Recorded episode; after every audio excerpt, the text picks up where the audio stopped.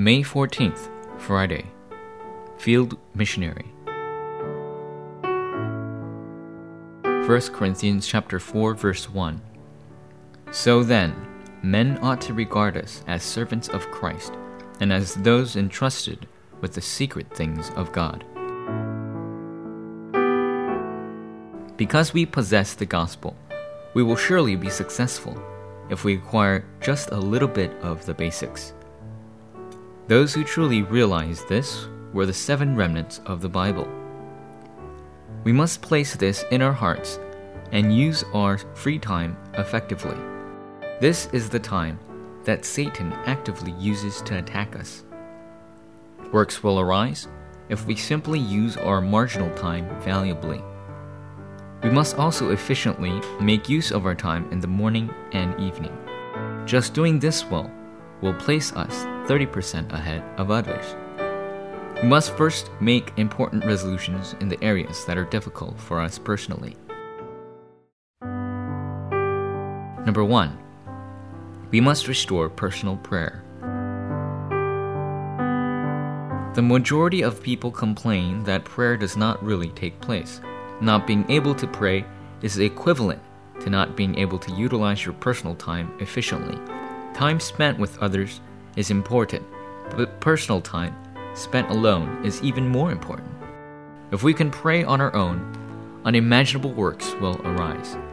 Prayer does not take place with a desolate soul and heart. If we begin praying with a sound heart, we will gain amazing results.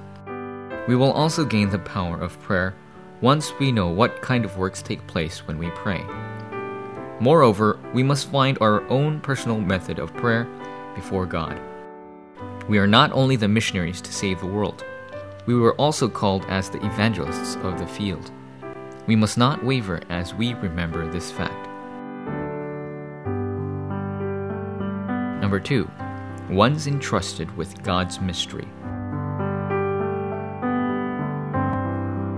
Numerous Christians live with no sense of specialty.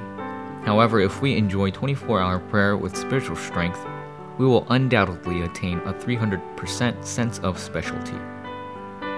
There are extremely important internships hidden in the circumstances around us.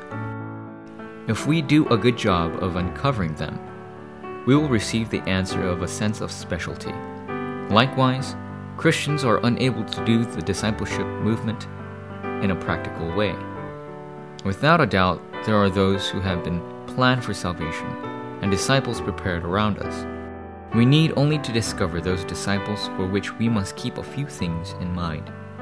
First, we must possess a separate mystery that we receive from God.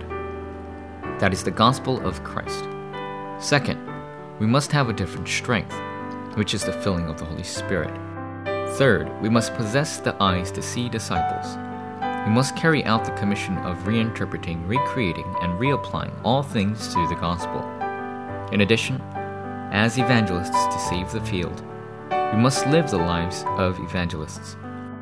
We must always seek out today's word, prayer, and evangelism. Only then can we see the future and the age properly. We need only to undergo reformation according to our time schedule acquire a few basics, and be just a little ahead of others. Do not belittle or fear the world. Do not forget that God has called us as the missionaries to save the field. Forum topic As a missionary to save the field, meditate upon how you must restore prayer when you are alone.